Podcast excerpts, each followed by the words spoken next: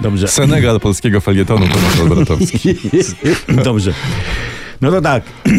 Hiszpania remis, Argentyna remis, Brazylia remis, Niemcy przegrali i teraz po porażce Polaków już nie ma zdecydowanych faworytów mundialu, słuchajcie. No, nadmuchaliśmy sobie bębenek, podbyliśmy balonik, który pękł w poprzek, no to mamy.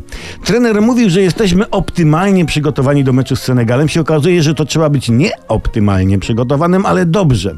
Senegal, jak mówił trener, był rozpracowany i niczym nas nie zaskoczył. To prawda, to my się zaskoczyliśmy sami. Chociaż Senegalczycy mieli, słuchajcie, nieuzasadnioną przewagę, też ich było 11. Ale, ale poszukajmy optymistycznych aspektów, jakie wyłaniają się po meczu. Przeciwnik nas nie zaskoczył, statystyki posiadania mieliśmy lepsze, bramki straciliśmy po głupich błędach, sędzia też popełnił błąd, pozwalając wejść na boisko Senegalczykowi. W sumie to, słuchajcie, spójrzcie tak na to, to, to, to my ten mecz w zasadzie wygraliśmy. bo, bo, bo zwróćcie uwagę, że, że strzeliliśmy więcej bramek niż Senegal. My dwie, oni jedną, dzięki czemu drugą połowę zremisowaliśmy.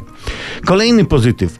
Eksperci zagraniczni oceniający naszą grę zawyrokowali, że jak na razie jesteśmy najgorszym zespołem mundialu. A więc, haha, gorzej być nie może. Ostatnie miejsce e, walczymy dzielnie z Arabią Saudyjską i słuchajcie, mamy duże szanse. Mamy duże szanse.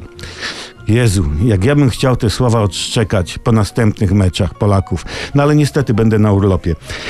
Dobra, pożartowaliśmy, pożaliliśmy się teraz do roboty, do kibicowania. Kolumbia czeka, Polacy do boju. Na dobre i na złe jesteśmy z wami. No.